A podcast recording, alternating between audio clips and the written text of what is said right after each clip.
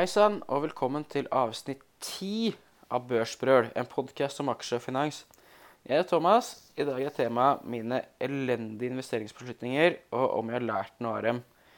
Men aller først ansvarsfraskrivelsen. Alt som blir sagt i denne podkasten, skal bli oppfattet som markedsføring. Gjør alt i egen analyse. Historisk avkastning er ingen garanti for fremtidig avkastning. Investeringen kan gå både opp og ned i verdi, og det er ikke sikkert du får tilbake ditt innsatte beløp. Så da setter vi i gang. Og jeg skulle egentlig hatt med Henrik Heffemel denne episoden også. Henrik var med for noen episoder tilbake, og planen er at han og jeg skal gjøre litt podcaster sammen, enten det blir i, i Børsbrød eller om vi starter en, en, egen sak på det. Så han blir, kommer vi til å bli bedre kjent med. og Tanken er eh, at Henrik blir med neste uke, og vi snakker litt mer om faktorinvesteringer og har en twist på det. Men i dag var altså temaet mine elendige investeringsbeslutninger, så det er mulig denne podkasten kan bli både tre, fire og fem timer, for det har vært mange av dem. Eh, men eh, jeg kan jo begynne, altså første jeg gjorde av investeringer, var egentlig tilbake i 1999. Om jeg ikke husker feil, da jeg og noen studiekompiser fra, som jeg var på russebil sammen, kjøpte aksjer i Norway Seafoods. Og det ble en sånn annerledes type investering, fordi det, som, eh, det endte jo med en rettssak som småaksjerne vant mot Røkke. Eh, så det var jo bra for, bra for eh, meg. for en god start. Men så begynte jeg egentlig å investere mer aktivt i 2005. Da jobba jeg i fondsfinans som IT- og telekomanalytiker. Så jeg tenkte å ta med liksom litt på min reise gjennom ræva investeringsbeslutninger. Og så er det sånne ting som irriterer meg. Det heter ikke reise. Reise noe du gjør med bil, tog, fly og lignende. Nei da, jeg irriterer meg ikke så mye over det. Men uansett, fortell litt om hvordan investeringsstilen har blitt til etter hvert. For jeg tror alle har både ulike investeringsstiler, som det heter, eller strategier. Eh, og ofte så kan de så utvikle seg over tid. Og da på den tida, da, rundt 2005, så hadde jeg en uh, stil som var ganske ulik den jeg har nå. Uh, jeg kjøpte en del gruveselskaper, bl.a. IGE. Uh, den kjøpte jeg på 40 øre og solgte på 6 kroner. Det tror jeg er den beste prosentvis investeringa jeg noensinne har gjort. Eh, Seinere tror jeg den til slutt gikk i ett øre, og det gjorde en sånn 80 til 1 spleis. Så det gikk jo fullstendig galt. Jeg husker også jeg var involvert i Guinor. Om jeg ikke husker gærent, så utvikla de litt med gruvevirksomhet i Afrika. Jeg husker ikke hvordan den investeringa egentlig gikk. Jeg tror faktisk jeg havna med beina på jorda der også. Kjøpte aksjer som heter Green Reefers, eh, som et rederi som drev med kjøleskip. De eh, frakta f.eks. bananer fra hva heter det for noe, Latin-Amerika og, og, til Europa. Og jeg husker ett år så var det en voldsom orkan nede i Vest-India der. Eh, så det ble et fryktelig dårlig år. fordi den investeringa husker jeg den gikk ikke, ikke, spesielt bra. Jeg kjøpte også aksjer noe som heter GGS, eller tror det het Globe Det var noe med Geoservice. Jeg tror det var Global Geoservice. Det var det som etter hvert ble Spektrum, og de drev med seismikkvirksomhet i Florida. Og så tror jeg de hadde noe i Iran også. Jeg kjøpte aksjer i Medisteam, og Medisteam er i dag et veldig veldig, veldig bra selskap. Men det var ikke så bra på den tida, så vidt jeg husker. De drev primært med stetoskoper. Uh, og jeg hadde også noen investeringer i Crew Gold, som heller ikke er på børs i dag. Jeg husker ikke hvordan det endte, men det, jeg tror ikke det endte noe spesielt bra. i hvert fall. De ble bedre kjent med etter hvert, både fra Afrika og Filippinene og, og, Grønland. I tillegg så var jeg selvfølgelig investert i Tule Drilling eh, under eh, Heia rope 'Gjør en kule på Tule'. Eh, det gikk jo selvfølgelig også som det måtte gå, ikke spesielt bra. Men jeg tror faktisk der så var jeg heldig å, å komme ut sånn noenlunde helskinna. Men, fuck, men altså, poenget er at det, dette var min første fase av investeringer. Og det var skyhøy risiko, og jeg skjønte ikke en dritt. Det var vel egentlig det eneste å konkludere på det. Så litt sånn farlig at noen av de gikk så innmari bra, for da kan det fort være at du ryker på litt for god sjøltillit. Og begynner å gjøre enda mer ting med enda mer penger. Men det, men det gjorde jeg heldigvis ikke. Jeg eh, Tvert imot så Eller tvert imot, det var feil. Men eh, etter hvert så begynte jeg å jobbe i Kaupting. Den perioden mellom fondsfinans og kauting Jeg begynte i kauting i 2006. Men så var det jo såkalt garden-liv, der du får eh, egentlig Du får ikke lov å jobbe i oppsigelsestida di. Og da var det selvfølgelig en ting å gjøre. Det var å begynne å blodtrade. Uh, hvorfor jeg ikke blodtrade før, var sannsynligvis fordi Eller det var fordi i et, når du jobber i meglerhus og forvaltningsselskaper, i hvert fall de stedene jeg jobba, så har du bindingstid på investeringene dine på ett år. Når du kjøper en aksje, må du sitte i minst ett år. Og da blir det dårlig med trading, selvfølgelig. Da blir det mer buy and hold. Da må jeg bare innrømme at det der har jo oftere redda meg enn det motsatte. For noen ganger så har du lyst til å bare ta, ta 3 eller 5 eller 10% gevinst med en gang, og så kommer jeg ut og move on. Men uh, ofte så kan det være lønnsomt å være litt mer langsiktig rundt det. Så denne bindingstida redda meg mange ganger i ettertid. Tenkte ikke så mye på det i den fasen her. Uh, for da hadde jeg tre måneder som jeg hadde fri og kunne trade, og det eh, gjorde jeg. Jeg eh, handla som gal. Jeg eh, handla masse Fast, handla Tamberg, Han drev opp med Software, Datarespons, Avilco Drilling, Petrial. Husker jeg handla en del i Songa også. Det var mye vill trading. Men jeg tror jeg tjente på kanskje bortimot 90% av alle handlene jeg gjorde. Men problemet var jo at de 10% jeg tapte på, så gikk det skikkelig galt. Eh, så jeg tror i sum så kan, havna jeg kanskje ørlite i pluss på det, men den som havna mest i pluss, var helt sikkert uh, megleren min. Så den perioden med trading var også veldig, veldig lærerik. Og det, det blei sånn at uh, på den tida var det ikke liksom så bra med internett, sånn, så det var en stund som jeg ikke fikk uh, internett til å virke. Telefonen var ikke sånn veldig håndterlig å bruke internett på da. og Selve internettlinja nede. Satt på tekst-TV og så på kurser og ringte megleren liksom, og sa nå må du, må du selge Tandberg. Jeg tross alt da, opp en krone siden jeg kjøpte. Så det var, eh, det var en, en, helt annen fase. Men så tror jeg da kanskje at eh, jeg begynte å innse at jeg ikke skjønte så jævla mye av alle disse investeringene jeg gjorde. Eller jeg, jeg skjønte at jeg, ikke, at jeg ikke skjønte det, rett og slett. Eh, så etter det Jeg begynte jo da i Kauting i 2006. Jobba der i under et år. Det var jo Fikk jo sånn sign-on-fee med ett års binding på, men jeg skjønte jo etter hvert at Kauting gikk ikke så veldig bra, så var jeg egentlig bare uh, heldig for meg når uh, jeg kom i kontakt med Pareto og begynte der isteden i 2007. Apropos dårlig timing, så uh, jeg tror jeg signa i Pareto i slutten av mai 2007. og det var den dagen Norwegian Property toppa på 90 kroner, for jeg skulle jobbe med å dekke eiendomsaksjer. Så det var jo fullstendig på peak. Uansett så hadde jeg ikke noe aksjer på den tida. Og det hadde jeg ikke før i 2009. Og da hadde vært gjennom finanskrisa. Det hadde vært sånn fullstendig krakk, og alt var egentlig helt nede for telling.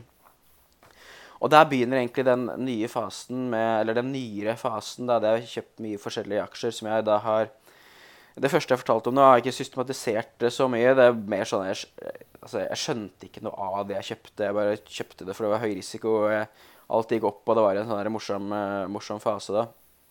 Jeg tjente noe, noe spent på det. Så ble jeg seriøs, da. Så i mai 2009 det, Vi husker at bunnen i markedet var jo i mars 2009. Eh, kjøpte jeg Telenor. Uh, jeg tenkte nå alt ned Jeg kjøper et skikkelig solid selskap. De, de her kommer ikke til å buste, liksom. Jeg, jeg har lyst til å være med på turen opp igjen når den eventuelt eller, kommer. Jeg kjøpte Telenor, kjøpte på 50 kroner. Jeg kjøpte dagen før de kom med tall. Sånn, hovedgrunnen til jeg kjøpte det, var jo at det var solid, bra selskap. Det her kan ikke gå helt galt. Og så var det litt rykter om at de skulle gå inn i India. Men jeg tenkte at det, eh, kan ikke så innmari mye om Telekom heller, men det der så ikke bra ut. Så jeg antok nesten at det der kom de ikke til å gjøre, men tvert imot. De gikk rett inn i India dagen etter jeg kjøpte. Altså når de kom med kvartalstall, det må vel ha vært der for uh, for ja, vårt Q1, da, 2009 eller, eller, noe sånt. Så kursen til Telenor, det var et av de største selskapene på børsen i dag, og det var det i hvert fall da, uh, var ned 35 på en dag. Si, jeg, tror, jeg, tror, han closa 32 dagen etter jeg kjøpte Telenor på 50. Uh, eh, men jeg kan si sånn der Da var jeg egentlig syka ut. Så jeg tror jeg hadde turt å kjøpe den på 32. Og tenkte at disse her har bare ikke peiling på hva de holder på med. Og herregud, jeg bare, dette er aldri kjøpt på nytt, da. Eh, men eh, da var det for seint, for jeg hadde allerede kjøpt. Det er bindingstid, så jeg kunne ikke spille ut de aksjene. Så jeg satt på de. Så det var jo Det, skal jeg gi meg sjøl kreditt for, at det var jo bra timing på kjøp fra et sånn markedsperspektiv. Jeg holdt de der aksjene i ca. to år. Solgte på 95, så det ble jo en dobling eh, pluss-minus. Ja, det var jo selvfølgelig utelukkende bullmarked i den perioden. Hvis du måler fra mai 2009 og fram til to år etter det, så var det et bullmarked. Så det var det som gjorde at uh, investeringa blei til syvende og sist uh, god. Cirka samme tid kjøpte jeg aksjer i Tera. Og det var litt med bakgrunn til Itera kjente jeg godt fra før. For jeg hadde fulgt den jeg jobba i Kauting. Jeg, jeg, kjente Arne Mjøs, som var sjef der. Jeg hadde sånn der, god oversikt over hva de, hva de pusla med. Uh, så det blir gjerne sånn at du kjøper selskap, eller du handler selskaper som du, kan, eller du kan litt om. da. Dette var jo en ny fasen, ikke sant? Det var jo helt motsatt av det jeg gjorde før. Men eh, Itera kjøpte på 2,26, solgte på 2,95 et par ja, knappe to år etterpå, så det ble jo 40% avkastning på den. Eh, jeg tror ikke det var noe bra relativt til, til børsen, eh, så det var jo bullmarkedet som, som hjalp meg der også. Jeg kjøpte også et annet selskap som jeg har vært involvert i mye i, seinere tid. Det var uh, Olav Thon. Alle disse kjøpte jeg da i mai 2009, så det var et veldig bra timing for å, å, å kjøpe aksjer. Thon defensivt selskap kjøpte på 542 kroner og solgte på 834, så det ble 55% avkastning på halvannet år. Jeg husker ikke nøyaktig hvordan børsen var i samme periode. Det var sikkert ikke sånn der veldig mye mer avkastning, men det er i hvert fall bra avkastning i sum. da. Altså, jeg tenker alltid sånn, Det er viktigere med avkastning enn meravkastning. Hvis du er liksom eh, Børsen faller 50, du er ned 45, så det er ikke så mye grunn til å klappe seg på skuldrene. Da. Det var dårlig timing å kjøpe aksjer, da, hvis det er sånn man skal tenke. Og så kjøpte jeg en annen aksje eh, noen, eh, i juni 2009 som heter Inmeta. Og det ble faktisk en jævlig bra investering. Og på den tida sånn, så var det litt annerledes. Jeg kjøpte eh, aksjer i Inmeta.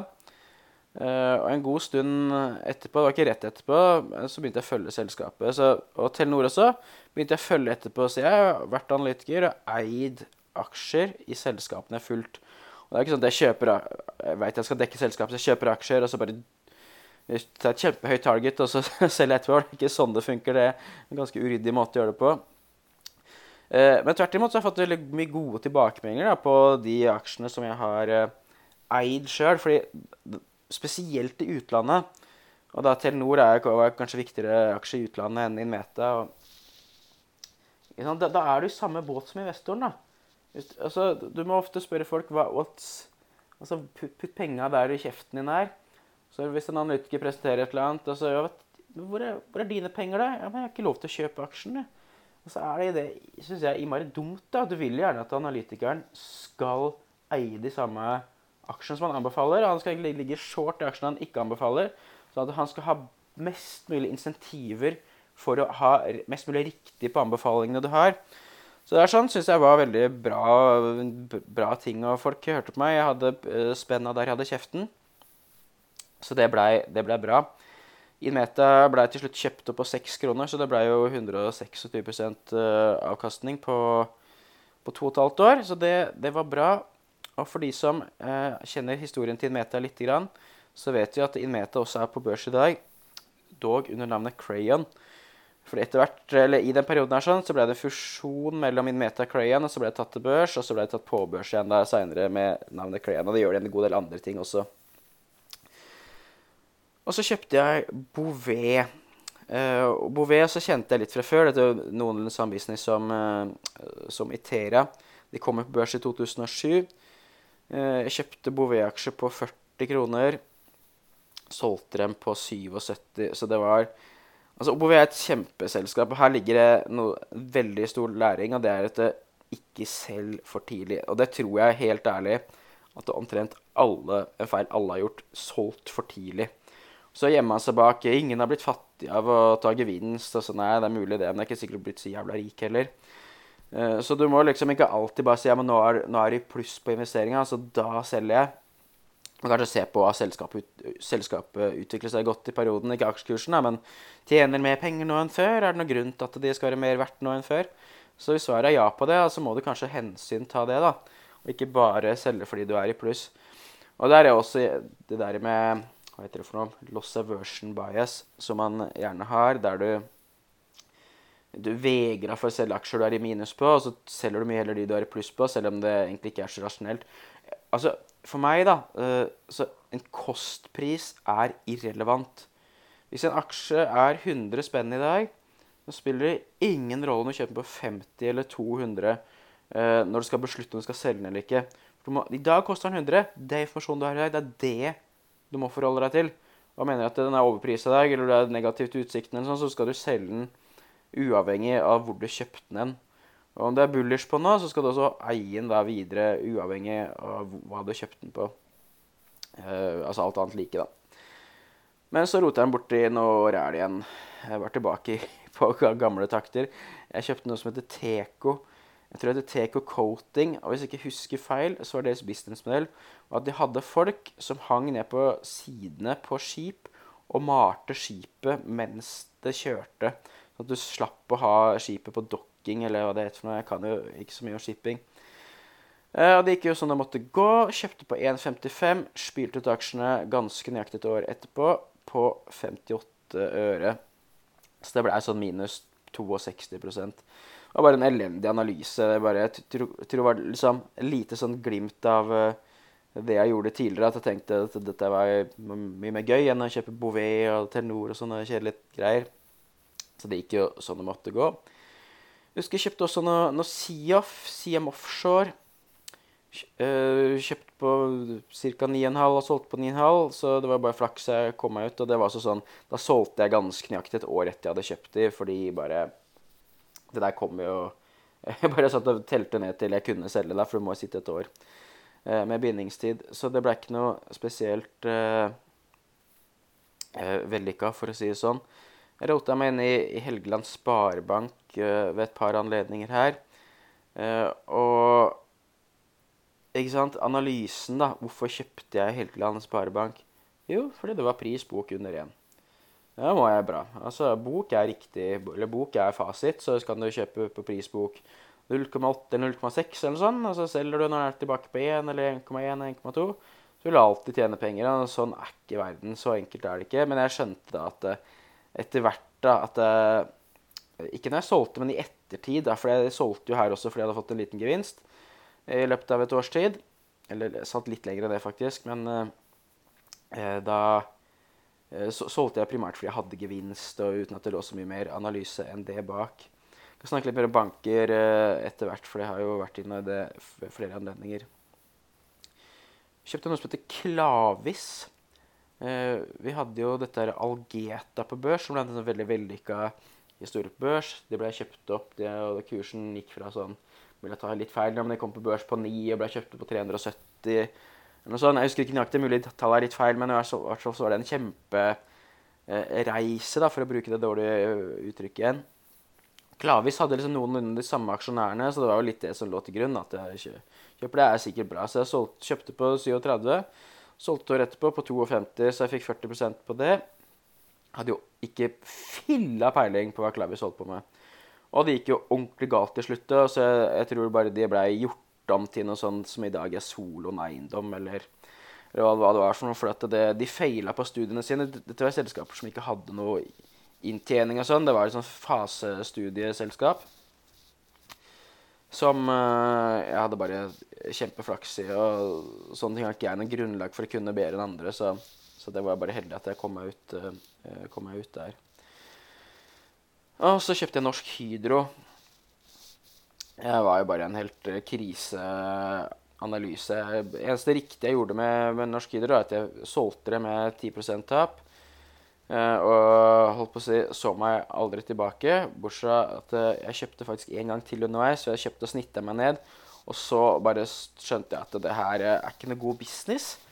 og jeg begriper hvorfor jeg kjøpte Norsk Hydro. Eller kursen hadde falt litt. eller noe sånt. Jeg tenkte dette er vel sikkert et bra nære norsk industriselskap osv. Så, videre. så bare spyle ut første anledning. Så det skal jeg, føler jeg at jeg skal ha. For at jeg, jeg solgte jo Jeg skjønte at jeg ikke skjønte det, så det må vi ta et ørlite klapp på skulderen, selv om det er en liten trøst når du er, uh, når du er ned. Så gjorde jeg egentlig en veldig bra motsyklisk analyse. Jeg kjøpte Lerøy Seafood. Uh, dette var i 2011. laksemarkedet, eh, som noen husker, tilbake i 2011, var egentlig helt eh, krisesammensetning, og det var masse lus, om jeg husker, feil. Og også, om jeg ikke husker feil, så var vel Chile oppe og produserte masse, så prisene var, var fryktelig lave. I hvert fall bare alt så helt jævlig ut, da. da tenkte jeg nei, kjøper jeg. Det var jo kjempegod analyse, for det, det, gikk jo bra. Problemet var jo også her at jeg solgte jo nesten med en gang jeg hadde mulighet. Satt et år. Kjøpte på 101, solgte på 107. Og hadde jeg sittet noen år til, så hadde det blitt mye, mye bedre. Og så tror jeg grunnen til at jeg kjøpte Lerøy, ikke et annet lakseselskap da, sånn jeg ser på det i dag, så er ikke Lerøy blant de beste. Det er jo kanskje SalMar og Bakkafrost som er blant de beste.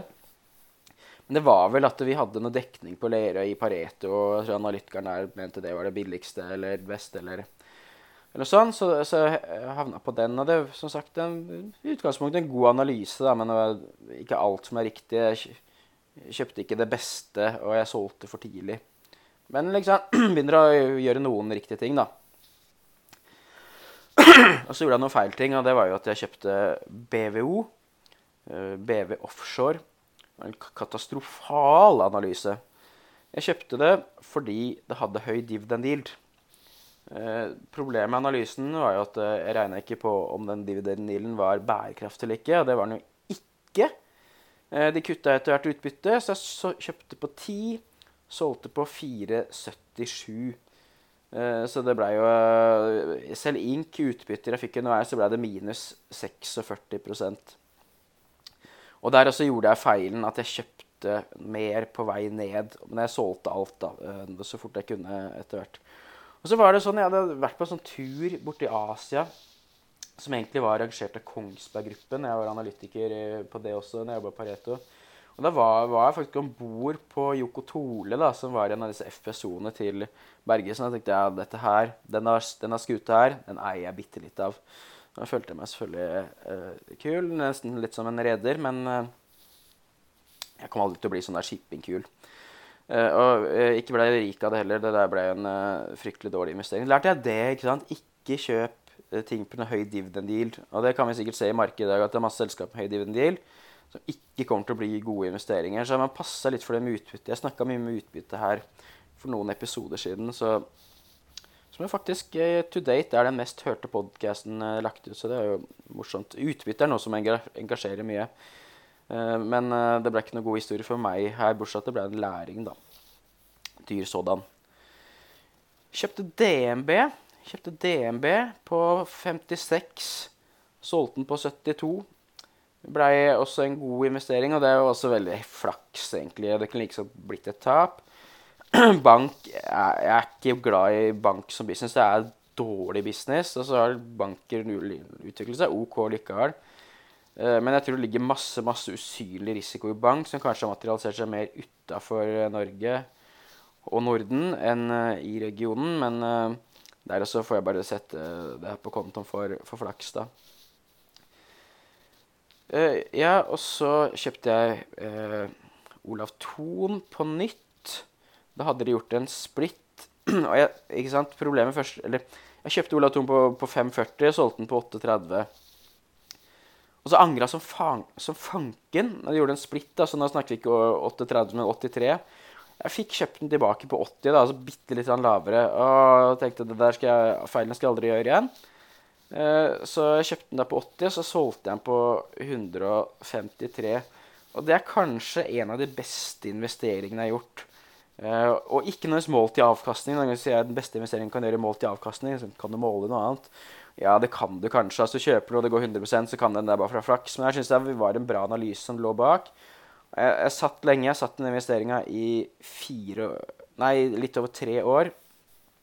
Analysen var at nå blir det liksom ikke så, nå blir ikke så innmari bedre. Så jeg solgte den i 2015. Og i dag så er vel kursen 170. Uh, så det har ikke vært noen spesielt gode investeringer fra 2015 til 2022. Og så var det kanskje analysen litt at den begynte å bli dyr, og var liksom utsiktene for kjøpesenterene så, så gromme, liksom. da, Så det blei Det var noe av det bedre, noe, noe bedre gjort. Kjøpte bra selskap, uh, utvikla seg godt. Begynte å bli litt sånn bearish på ting, så det ble en 100 uh, nesten, i hvert fall. Jeg kjøpte et annet kult selskap. Dette var også en um, litt sånn motsyklisk investering. Jeg kjøpte et som heter Morpol. Eh, det kjenner vi kanskje mange ikke til i dag, men Morpol var jo sånn lakserøykeri primært. En polakk som, som drev det, var på Oslo Børs. Drev med røyka laks. Sånn at Morpol var jo sånn de tjente på lave laksepriser. Så hvis du mente lakseprisen skulle ned, så var Morpol en bra ting å ha. For da fikk de kjøpt inn laks billigere, da, som de solgte videre. Kjøpte, Kursen falt, kjøpte mer. Jeg synes det var bra selskap. Brukte mye tid på å analysere det her, sånn, uten at det såkalt så mye om lakserøyking i Polen. Eh, jeg skal ha for det, og det ble til slutt kjøpt opp da av uh, Marine Harvest, uh, uh, som i dag heter Movi. Så, så, det ble en bra investering. Og, de, de, så liksom, hva har jeg lært så langt? da? Jo, kanskje litt sånn motsykliske ting. da. Ting som er bra, men som er litt out of favor. Det kan bli gode investeringer. Du må liksom ta imot den der fallende kniven og stole på deg sjøl og analysen din. Uh, men det må være bra. Du kan ikke kjøpe noe som er uh, Kjøpe noe bare for å ha falt, sånn, uten å gjøre noe mer analyse enn det. Uh, kjøpte noe Blokk Vatne, og det blei bra. Jeg, jeg, solgte vel til slutt fordi jeg, det var så dårlig cashflow. Det kom aldri noe cashflow i den der sjappa der. Det var også et selskap jeg fulgte. Uh, og uh, det var ikke noe Jeg må si det var nok litt flaks. Det var et ganske bullish marked den perioden jeg eide aksjene, så jeg må bare sette det på kontoen igjen for at uh, var, var, litt heldig. Det ble til slutt kjøpt opp av Obos, men det var etter jeg hadde solgt. Og så kjøpte jeg Kongsberg Gruppen, og det tror jeg var et et uh, litt sånn heldig kjøp også. Jeg kjøpte den på 103, solgte den på 118. Og da husker jeg hadde kjempeflaks, fordi jeg kjøpte den, og så dagen etterpå kom det en svær kontrakt på en sånn forsvarsgreier, så kursen gikk opp nesten hele den der biten der sånn dagen etter jeg, dagen etter jeg kjøpte. Men Kongsberg var ikke noe spesielt bra business på den tida. Det var OK, da. Jeg kjente selskapet godt. Jeg har jo fulgt og, både på godt og vondt. og jeg kjente det godt. og liksom, som sagt, kjøp gjerne det du, det du, kjenner litt til. Og det var vel også litt, uh, litt heldig. og På en måte så var jeg glad jeg solgte. Kursen er mye høyere i dag. Men, men, det er vel ikke sånn business som jeg er sånn super uh, bullish på i utgangspunktet. Uh, var inne i Athea fra 53 til 60 kroner. Så bra, stabilt selskap. Uh, solgte for tidlig, burde sikkert uh, sitte en stund til. Greit, ikke det har vært sånn så fantastisk investering etter det, da, men det var jo en fase der du hadde både bra vekst og, og fin ekspansjon i marginer. Så solgte litt for tidlig for å sette på den kontoen igjen. Jeg sier sette på den kontoen, så jeg gjør jo alltid disse analysene av uh, selskaper jeg kjøper og selger. Altså hvorfor kjøpte jeg, og hvorfor solgte jeg, og var det flaks eller dyktighet? Eller var det uflaks? Eller, eh, for du kan ha uflaks, så mener jeg det. Eller var det at jeg var ubrukelig, da? Så man må være ærlig med seg sjøl. Det er ikke noe grunn til å sitte og, og lyve for seg sjøl. Så kjøpte jeg en annen eh, Og da var jeg også motsyklist. Da jeg kjøpte Arendal Fosse Company. Det var i 2013, så det var fryktelig lenge siden. Det var jo en av de dyreste aksjene som fantes. Kjøpte, kjøpte den på 1600. Eh, så det var bare Voss Veksel som var, som var dyrere på Oslo Børs. da. Jeg kjøpte Olav Thon også på 8, eller, var jo 800 kroner, så var det så blant de dyreste aksjene. Så jeg likte litt sånn å kjøpe dyre aksjer. da, det var jo Ikke fordi de var dyre isolert, men der var de ofte litt sånn upopulære. Det var ikke så mange som holdt på med det, da, så jeg følte jeg kunne navigere litt sjøl. Eh, jeg solgte etter ett år i Arendal Foss. Ble god avkastning det, men hadde jeg sittet til i dag, så hadde det vært en fantastisk eh, investering. Så det var også sånn derre Var i pluss, solgte. Eh, dårlig analyse. Det er bra. Veldig fornøyd med kjøpet. Det var jo motsyklisk og den derre noe, noe, annet. Da, men så var det sånn kjøp, Solgte bare fordi jeg var i pluss, og det er jo ikke noe god analyse. Så kommer det en, en, en klassiker. Eh, og jeg kjøpte aksjer i Reno Norden. Jeg kjøpte aksjer i Reno Norden på IPO-en. Bakgrunnen for det var jo litt at jeg tenkte det som kjører søppelbiler rundt, det, det var jo sånn business som som ikke så mange andre gadd å holde på med, så kunne det kanskje være det var bra, bra business. Altså, de, de drifta jo søppelbiler, da. som kjørte rundt og henta søppel. De hadde en kjempefin historie på at du skal kildesortere mer og mer. Det krever mer og mer logistikk. eh, Og sant, du må kjøre fram og tilbake mye mer, og det kom til å bli et voksende marked. Og I tillegg så fikk du 10% rabatt på å kjøpe aksjer eh, som retail i neste år. eh, jeg skjønte jo etter hvert at det her skjønte jeg ikke noe av, så jeg spylte ut etter ett år på 37, og det selskapet gikk til slutt konk. Eh, Så det var noe bra salg og dårlig kjøp eh, på den, da. Jeg har til Bouvet igjen. Ja, Bouvet er sånn jeg alltid kjøper. Uh, selger for tidlig, lover jeg skal aldri gjøre det på nytt. Og så gjør jeg det på nytt og på nytt.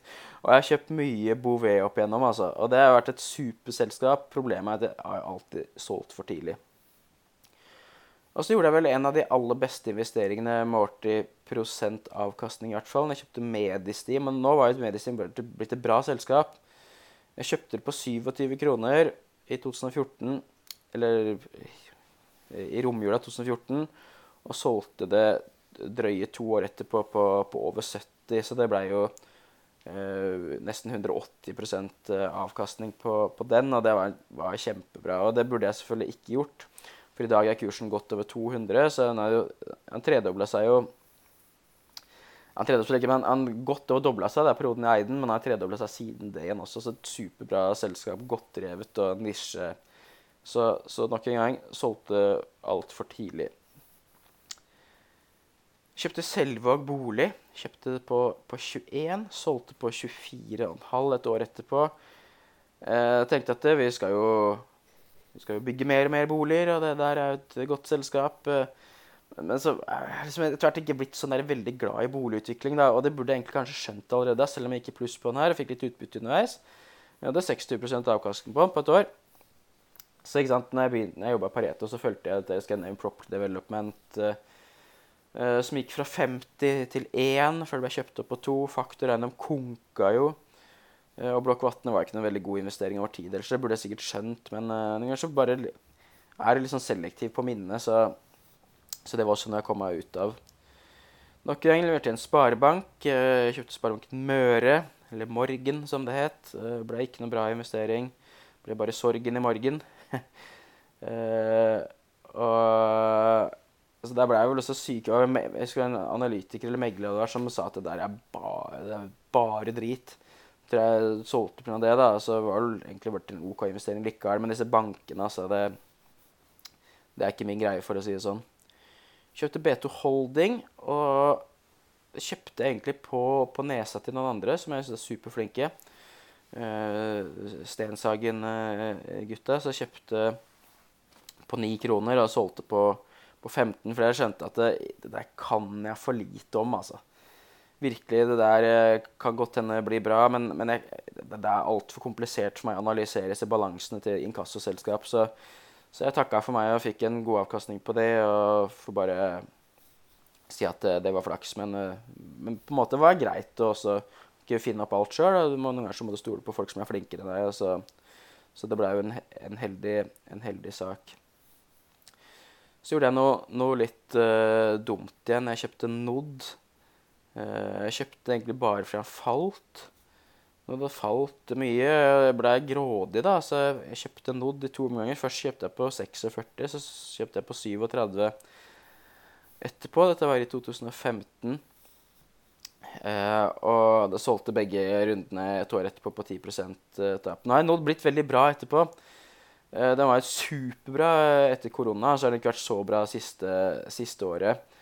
Men, men igjen, altså, det, ble så, det, det, det er et veldig komplisert selskap å analysere. Hele den der etterspørselsbiten er, er vrien. Og jeg hadde fulgt selskapet. betyr ikke du kunne så mye om det av den grunn. Men, eh, men igjen, det, det, det Når du kjøper selskapet bare fra falt uten at det ligger noe mer grundig analyse bak, så er ikke den et godt utgangspunkt. Og så kommer den verste jeg har gjort noen gang, og det var NAS. Jeg kjøpte første runden i NAS på 343. Da tror jeg han har falt fra 380. Så tenkte jeg nå kommer jeg meg endelig inn, for jeg har liksom irritert meg over den der godt og godt og godt. og godt. Så falt den videre, kjøpte mer på 310. Så kjøpte enda mer på 270. Og så kjøpte jeg enda mer på 290 igjen. Jeg ble bare mer og mer, mer bull. Analysen var ikke noe bra. Ikke? Analysen var at det var enkel. Vi skal fly mer i framtida. Norwegian har nye fly, så de er godt posisjonert uh, for det. Og den perioden som NAS ikke vokste, som jeg lurer på nå, 2015 eller 2014, eller sånn, så, så tjente de faktisk OK med penger. Jeg tror de tjente nesten 20 kroner i EPC.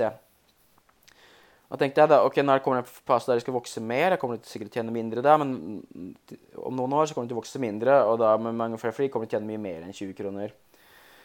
Men problemet med analysen er de har masse gjeld. Eh, og nummer to, de har nesten alltid uflaks. Det er alltid et eller annet dritt som skjer. Og det er wetleaser, det er fly som er på bakken, det er fly som du ikke får levering på, det er askeskyer, og det er mye sånne svarte svaner. Men det er primært den der gjelda, så det var bare en forferdelig dårlig analyse som, eh, som lå bak. Og jeg var ikke fortjent at jeg ble redda ut av den der når budet Eller budryktene, for det kom jo aldri noe bud, fra IAG kom. Da hadde jeg allerede logga ut fullstendig i hodet og bare venta på at bindingstida skulle gå ut. Og så kom den i mellomtida, så jeg spylte ut i alle de aksjene sånn den dagen jeg kunne. Og gikk vel i sum ca. i null, kanskje ørlite grann i minus. Jeg hadde mye, Og det var så stor investering. Jeg hadde mye penger investert i. Jeg hadde et par mill. investert i, i NAS. Uh, hvis du hadde tatt NAS-kursen fram til i dag, så, så hadde det ikke vært mye igjen av de pengene, for å si det sånn. Så, og det, der lærte jeg nå, tror jeg. Så jeg skal aldri, aldri ha selskap med gjeld. Det er bare helt krise å ha eh, selskap med gjeld. Vi ser liksom stadig vekk nye selskap. Kong nå er Flyr, da, ikke sant? Et annet flyselskap med Konka, og det var et annet selskap som Konka her. Jo, det var Doff, var det. At Konka de har for mye gjeld. Jeg husker ikke det er Charlie Mungelen som sier det. Du konker, konker ikke ikke har gjeld. Og bare mye gjeld, det er bare helt no go for meg, altså. Virkelig. Eh, og så begynner det å bli litt mindre investeringer. Jeg begynner liksom å, å komme litt til gode ting. Jeg kjøpte Bakkafrost. Bra investering. Det var en kjempedipp i 2017 som fikk kjøpt på 258. Jeg hadde gått og liksom sikla Bakkafrost tenkte at når den faller, da skal jeg ta den. Og det gjorde jeg. Eh, solgte den et år etterpå nøyaktig på 432, så det ble 72% på et år. Så det var en superbra investering. Skulle sikkert eh, holdt den en, en stund til, men jeg har fått gi meg sjøl klapp på skulderen igjen da, for å ha vært motsyklisk. Og når ting er i fritt fall, så er det få som tør å kjøpe. Det, men der har jeg tenkt at det, det der må jeg, må jeg gjøre hvis det er gode selskaper, så jeg er flink på den. Uh, kjøpte også Nofi, da.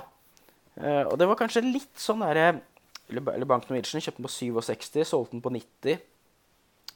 Uh, et år etterpå solgte den kanskje litt tidlig der, men, eh, men liksom litt sånn derre God tanke. Jeg kan ikke så veldig mye om dette her med, eh, med disse Hva heter det for noe? Forbruksbankene. Men eh, uansett det, De hadde gode tall, og det var folk uh, som investerte som, uh, som jeg stoler på, og som er veldig flinke. da. Så var det litt sånn at hvorfor skal folk til forbrukslån? Men du må ikke tenke at du er en sånn proxy på hvordan alle andre er.